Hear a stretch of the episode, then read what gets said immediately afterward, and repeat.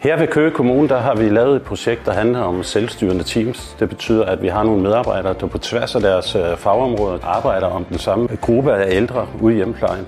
Og det betyder grundlæggende, at øh, de møder ind her om morgenen, de holder nogle møder, jeg har selv været til stede, jeg har kunnet se deres engagement.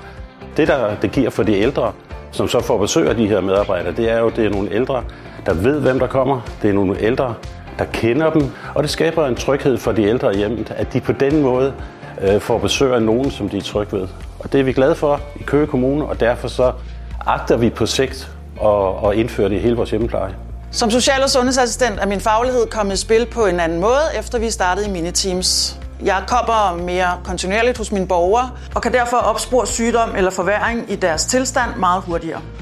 Som sygeplejerske har jeg gennem de tværfaglige teams fået en øget relation og et styrket samarbejde med mine kollegaer, som både er gældende på arbejdspladsen, men også ude hos borgerne.